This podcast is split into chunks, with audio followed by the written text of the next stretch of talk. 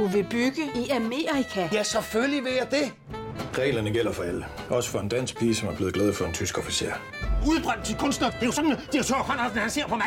Jeg har altid set frem til min sommer. Gense alle dem, jeg kender. Badehotellet den sidste sæson. Stream nu på TV2 Play. Tirsdag den 6. september 2016. På en grussti i et grønt område mellem Ballerup og Albertslund kommer en motionscyklist kørende. Ud af øjenkrogen bemærker han to blå indkøbsposer fra IKEA. Han bliver nysgerrig, stanser og kigger ned i en af de blå poser. I posen kan han se noget af en hvid dyne. Nu får han øje på to sorte kufferter længere inde i krattet. Han åbner den ene kuffert, hvorefter han får sig sit livs chok. For han kigger lige ned i nakken på et afskåret hoved. Han alarmerer politiet, som senere kan konstatere, at cyklisten har fundet livet af en ung dansk rocker, som er blevet dræbt og parteret i fire dele. Du lytter til Panser, en ugenlig podcast på Podimo, hvor vi taler om kriminalsager. Jeg hedder Peter Grå, og jeg er kriminaljournalist. Og jeg hedder René Dahl Andersen. Jeg er tidligere narkotikabetjent og har været undercover-agent ude i verden for PET. I to episoder taler vi om danske drabsager, hvor gerningsmændene de har parteret deres offer. Der er blevet talt meget om partering i den forfærdelige Mia-sag fra Aalborg, og man kan nemt finde artikler om, at parteringsdrab er sjældne i Danmark, men der har alligevel været en del, synes jeg. Og det er vigtigt at pointere, at vi laver ikke de her episoder for at chokere eller underholde, men for at fortælle om noget, der sker, når nogle af de allermest følelseskolde og beregnende drabsmænd og gerningsmænd og kriminelle, de forsøger at slippe afsted med deres forbrydelser. Den første sag i den her episode kender jeg ret godt, fordi jeg har haft mange samtaler med den dømte. Det er en bizarre sag fra Faxe Ladeplads på Sydøstjylland. Den 11. august 2011 bemærker naboerne i et sommerhusområde, at der hænger kødrester på træer og buske. Det er simpelthen som om, at øh, de her lige dele er blevet kastet rundt. Politiet bliver selvfølgelig tilkaldt, og jeg mener også, at Beredskabsstyrelsen hjælper til, og på et garagetag finder man hovedet af en dræbt 47-årig mand. Politiet anholder som mandens fem år yngre bror, som dukker op på adressen. Han hedder Jesper, og det er ham, jeg har brugt mange timer på at mødes og skrive med, da jeg var ret ny øh, kriminaljournalist. Det viser sig, at der er hørt skud i området aftenen inden, og ifølge politiet så handler det om en uoverensstemmelse mellem de to brødre på grund af penge. Jesper skal så have dræbt sin bror med to skud i hovedet og et i maven, og så har han efterfølgende parteret livet i små dele med knive og en elektrisk øh, bagnetsav. Man finder livet adskilt i 75 dele, som så er kastet rundt på den her sommerhusgrund, som er øh, forældrenes. Forskellige ting belaster Jesper. For eksempel har han slugt en patron, som han forsøger at skjule øh, ved sluten, da han ankommer til adressen, hvor politiet også er. Og man finder brorens pung i hans affald på øh, hans egen adresse. Men ham her Jesper, han har hele tiden nægtet, og han taler om drabet som om, at det er et eller andet setup. Øh, det har jeg aldrig troet på, og det har vi diskuteret meget, og han ender med 15 års fængsel for det her bestialske drab i forældrenes sommerhus. Og nu er det jo dit virke som unge krimijournalist, at du øh, retter henvendelse til Jesper og har den her dialog med ham. Hvordan havde du dengang, du rettede henvendelse til ham? Altså dengang, der, der, der fyldte den her sag lidt for mig, øhm, fordi det er jo nede fra det område dernede af, hvor jeg kommer fra. Og så kender jeg en, der på grund af sit arbejde var ude på den her adresse her, og, og, og så det her forfærdelige syn. Så jeg fik jo på et tidspunkt lyst til at skrive til Jesper, og det var også sådan, at som ny kriminaljournalist på det tidspunkt, jeg var startet på station 2, der, der skrev jeg til mange i virkeligheden. Ikke? Men, men han svarede, og jeg besøgte så ham i Fridsløs lille statsfængsel. Men desværre ved ham, det er, at han er nok Danmarks hårdeste benægter. Altså han, han, han nægter komplet, at han har begået det her drab. Og nogle gange så kan man næsten tænke, okay, kan han ikke huske det, eller hvad? Fordi det virker på en måde ægte, øh, når han påstår, at det ikke er ham. Men jeg tror, det er ham, og det har jeg jo også fortalt ham. Og det er jo derfor, at vi så mange gange har diskuteret. Har I diskuteret så meget i næste uge, venner? Ja, øh, det er jo lidt sådan, det slutter os på et tidspunkt. Ikke? Fordi det kan ikke rigtig lade sig gøre øh, at lave noget sammen, når øh, vi vil to forskellige ting.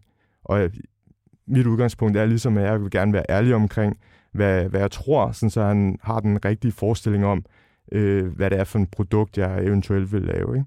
Men på det her tidspunkt, det skal så også siges, der er det også lidt sværere at lave sådan noget her med en mand, som er dømt, øh, som vil fortsat nægter sig skyldig. I dag bliver der lavet sådan nogle ting, men på det tidspunkt, det er det omkring 2015-2016, der, der, der er man mere skeptisk i forhold til at give en mand taletid, øh, for at sige, at han ikke har begået noget, som han er dømt for. Hvordan var det at sidde over for en, som i hvert fald var dømt for? Og så må man sige, at han har gjort det så meget, tror jeg, på det danske retssystem i drabsager, og i faktisk i så godt som alle andre sager. Og så vide, at han har slået hans egen bror ihjel og parteret ham i 75 del. På det her tidspunkt, der, der havde jeg mødt en drabsmand før, for jeg har også mødt ham her, Bo Madsen. Ham her, der er dømt for drabet på øh, Henrik Havberg Madsen. Øh, ham, som vi også har, har talt om i de her øh, to episoder. Så et eller andet sted, så påvirker det mig ikke så meget. Og han har jo altid, selvom vi kunne diskutere omkring hans skyld i det her, så, øh, så har vi jo altid haft fine snakke og altid blevet behandlet godt. Talte jeg om andet end selve sagen? Jeg husker det som om, at jeg øh, har fokuseret på sagen. Jeg husker ikke, at vi har haft snakket om andre ting. Vi har altid talt meget om sagen, og han kom altid med en masse dokumenter, når vi mødtes. Øh, og da vi ligesom stoppede med at øh, mødes, så sendte han en masse ting, en masse breve. Og de dokumenter, han kom med, var det noget, der skulle bevise, at han var uskyldig, eller hvad? Ja, han kunne ligesom forklare sin uskyld ud fra nogle ting i de her dokumenter. Men ma- mange af dokumenterne er jo øh, akter for politiet, øh, og det var svært for mig at se, at noget af det forklarede hans uskyld. Ja, så løber man ind på den blinde vej. Ja, men det, det som jeg måske tænkte mest over, eller en, jeg havde ondt af i den sag, det var hans mor, altså de her brødres mor. Hun mistede jo den ene søn, og hvad gør man så med den anden, som øh, er dømt for at, at, at have dræbt den ene søn og parteret lige i 75 dele og kastet lige delene rundt på, på forældrenes øh, sommerhusgrund. Hvis hun havde slået hånden af ham, så havde hun også mistet ham. Så hvad gjorde hun? Kom hun med hjemmebag og besøgte ham i øh, fængsel, eller hvad? Jeg ved ikke, om hun kom hjemmebag, men mit indtryk er, at hun hele tiden har været der for ham. Møders kærlighed er stor. Mm. Så skal vi frem til 2016, hvor den næste sag foregår. Den 6. september 2016 bemærker en motionscyklist to blå IKEA-poser og to øh, sorte kufferter i Vestskoven mellem Ballerup og Albertslund. Han starter med at åbne en af poserne, hvor der ligger en dyne. Øh, han kan ikke se det, men der er, der er sådan en gennemblødt dyne, men den ser hvid ud på toppen for ham. Og så øh, får han øje på nogle kufferter og åbner den ene, og så kan han se øh, det, der er nakken på et hoved, øh, der han fortalte i retten. Det, han har fundet, det er altså lige delen af en 25-årig mand, som er medlem af den gruppering, som på daværende tidspunkt hed Satudara. Den 25-årige mand var parteret i fire dele. Benene var skåret af lige over knæene, og overkroppen var adskilt lige over navlen. Og i retten sagde den her cyklist, at poserne og kufferterne var decideret dårligt gemt. Og når så nogle øh, dele her, altså man må sige afgørende dele fra et drab, altså livet, ikke er, er gemt bedre, så er der noget, der tyder på, at man har haft travlt, og man ikke har haft så meget tid til at planlægge, hvad man skal gøre ved det. Og så stiller man dem i Vestskoven, hvor den her cyklist kommer kørende forbi. Så beder man jo om, at det bliver fundet. Hvad er der gået forud for det her? Den her 25-årige Satodara rocker har den 29. august i 2016 været på besøg hos en 34-årig mand, som hedder Dago.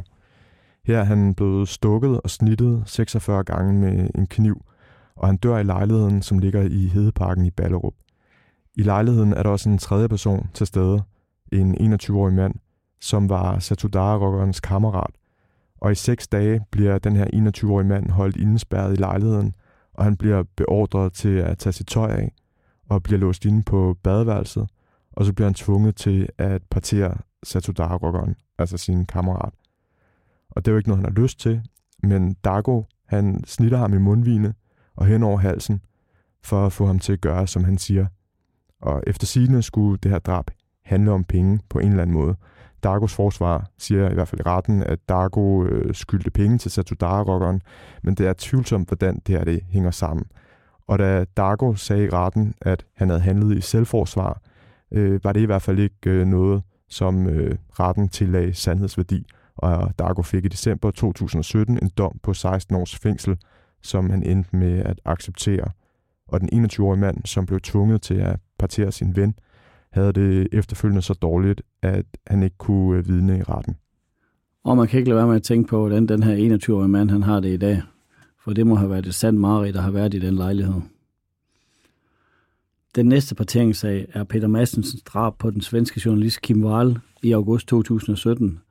Og det må man sige, ligesom med Mia-sagen, at det er en sag, som er blevet talt øh, meget om. Men kort fortalt er det den svenske journalist Kim Wall, som er taget på en reportagetur med Peter Madsen i hans ubåd, som hed UC-3 Nautilus. Her der dræber Peter Madsen så Kim Wall, og han parterer lige med en sav, og så kaster han ligedelen i havet på sejlruten i Øresund og kører bugt. Vi har i første episode af det her dobbeltafsnit talt om en del sager, hvor lige del er kommet flydende på vand, men Peter Madsen han havde gjort noget for at undgå det. På torsonen var der stik, skader, huller, som ifølge ham var lavet for at undgå, at øh, livet blev pustet op af gasser. Men der har også været tale om i retten, at der kunne være seksuelle motiver til de her stikskader. Han øh, havde derudover forsøgt at holde ligedelene nede med metaldele, men alligevel skyller journalistens torso i land, og med intensiv efterforskning med hjælp fra svenske ligehunde og dykkere lykkedes det at finde øh, resten af ligedelene.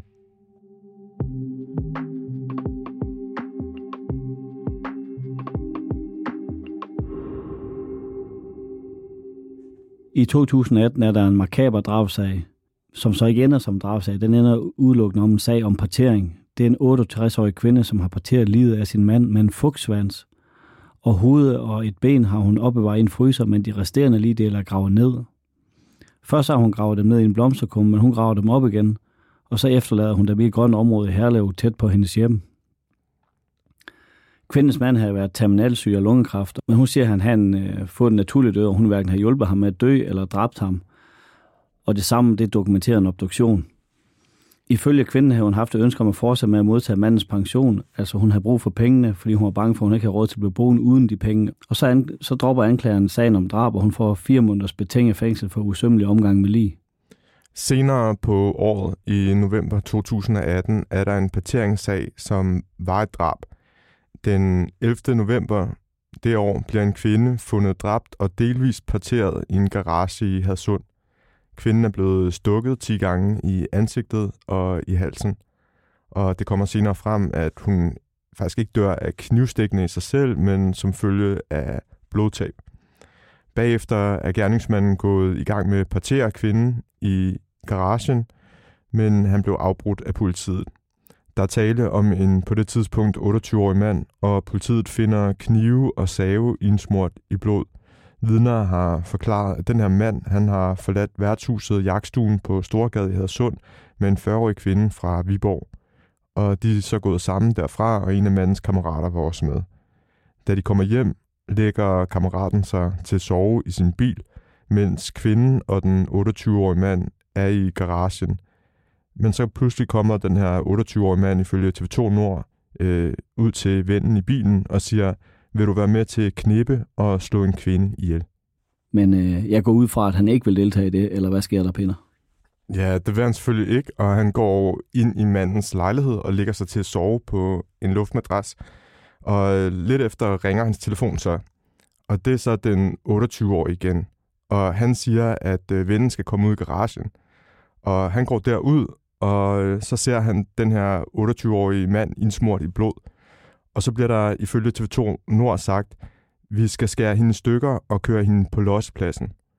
Kammeraten vil selvfølgelig ikke være med til det her, og han forlader sig stedet, og øh, han ringer til sin mor, og så tager de sammen på politistationen, og så rykker politiet selvfølgelig ud og anholder manden, før han er overhovedet færdig med den her partering, han er i gang med. Selv siger gerningsmanden, at han intet kan huske af, hvad der er sket den her nat, fordi han havde fået øl, whisky og stesolider. Det her det var en sag, der i retten blev sammenlignet med Peter Massens ubådsdrab, fordi der er tale om, at man øh, dræber en fremmed person. Han har bare fundet en tilfældig kvinde, som det her det skulle gå ud over. Og hos den her 28-årige mand, der finder man også tegninger af henrettelser øh, og med seksuelle motiver, ligesom man i Peter Massens sag fandt øh, animationsvideoer af blandt andet spidninger og på den her 28-årige mands telefon finder man øh, derudover et billede, hvor, hvor han har farvet sit ansigt, så han er lys på den ene side og sort på den anden side af ansigtet, ligesom øh, Peter Lundin engang gjorde i et interview, som du også har nævnt i, øh, i de her øh, to afsnit. Man fandt også et øh, eksemplar af Peter Lundins bog, så øh, måske var der her tale om en eller anden form for copycat-drabsmand, og manden han fik 13 års fængsel. Altså nu er jeg ikke den dømmende magt i Danmark, men jeg er et almindeligt menneske, der har en del, en del viden om det her fag eller den her verden. Og når jeg hører 13 års fængsel for at, at dræbe en, øh, et menneske og et ukendt menneske, der kommer helt uskyldig ind i en relation, så synes jeg, det er kraftigt i underkanten. Men øh, det må vi lade domstolen og demokratiet afgøre.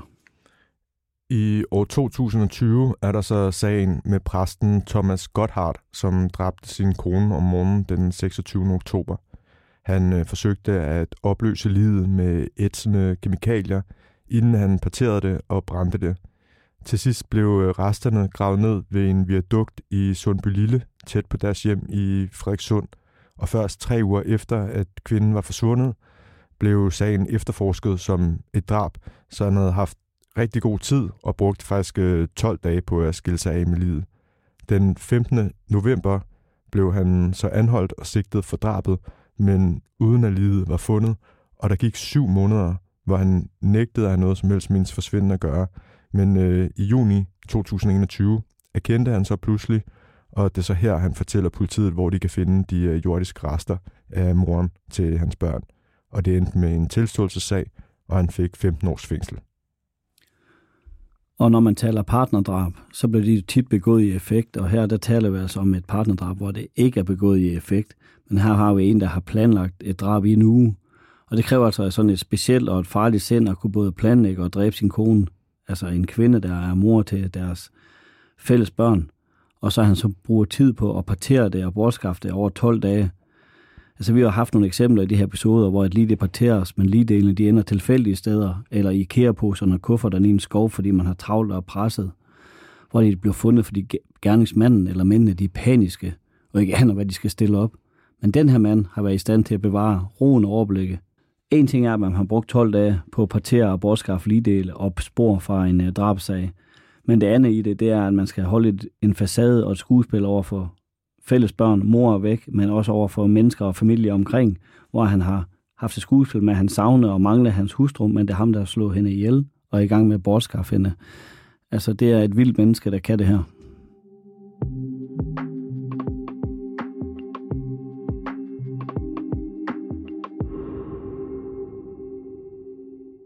I 2021 slår en anden meget uhyggelig gerningsmand til, igen, er jeg nødt til at sige, det er en på det tidspunkt 51-årig mand, som hedder Flemming Mogensen. Han øh, slog sin kone ihjel, da de var separeret i deres fælles hjem i Malling ved Aarhus om morgenen den 29. januar. Han øh, kvalte hende simpelthen, og så trak han livet ind på badeværelset, hentede en sav på loftet og begyndte at partere hende på badeværelset. Bagefter bar han ligedelene op på loftet og gjorde badeværelset rent, så deres to børn ikke ville opdage noget. På det tidspunkt var de omkring 5 og 10 år gamle. For at vinde tid aflyser han så aftaler for hende med beskeder, han sender fra hendes mobilnummer, og på samme måde øh, melder han hende syg fra arbejdet. Og tre dage efter drabet graver han så lige delene ned i haven, og her finder politiet senere delene, og der er tale om fem dele. Det er Flemming Mogensen selv, som øh, melder sin øh, fraseparerede kone savnet, men der er nok en særlig grund til, at han hurtigt selv er i politiets søgelys, og efter tre afhøringer indrømmer han også drabet. Den særlige grund til, at han hurtigt er mistænkt, er, at han har gjort det før. I 1995 dræbte han sin tidligere samlever, som han havde et barn med. Hun blev dræbt i Kildegårdsparken i Odder, da han gav hende 18 knivstik.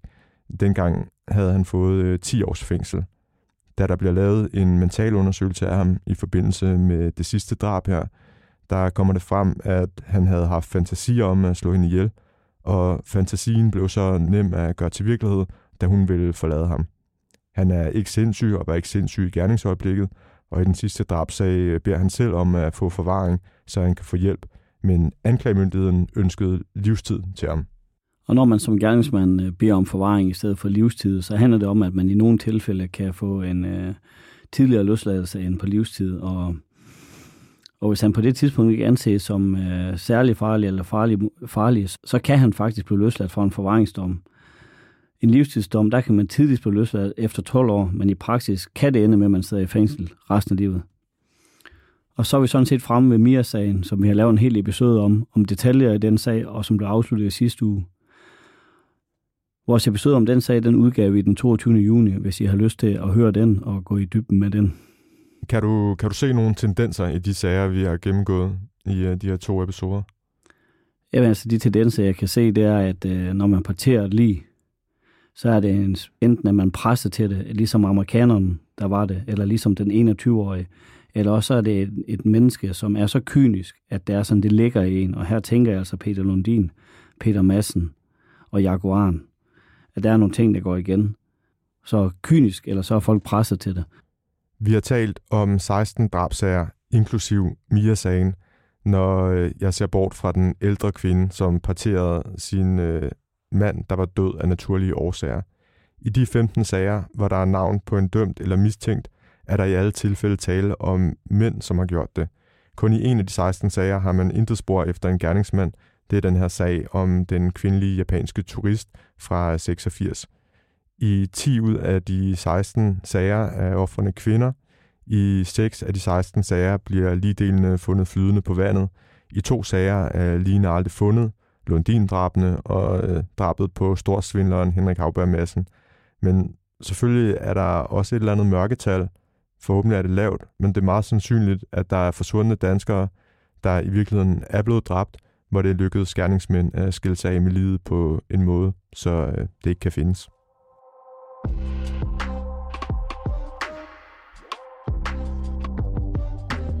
Du har lyttet til Panser på Podimo.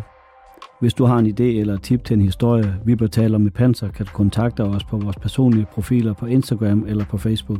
Mit navn er Peter Grå, min medvært er René Dahl Andersen, og vi er tilbage med mere Panser næste torsdag.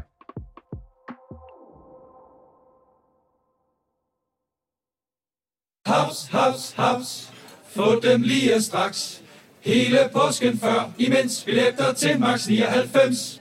Haps, haps, haps. Nu skal vi have... Orange billetter til max 99. Rejs med DSB Orange i påsken fra 23. marts til 1. april. Rejs billigt, rejs orange. DSB, rejs med. Haps, haps, haps.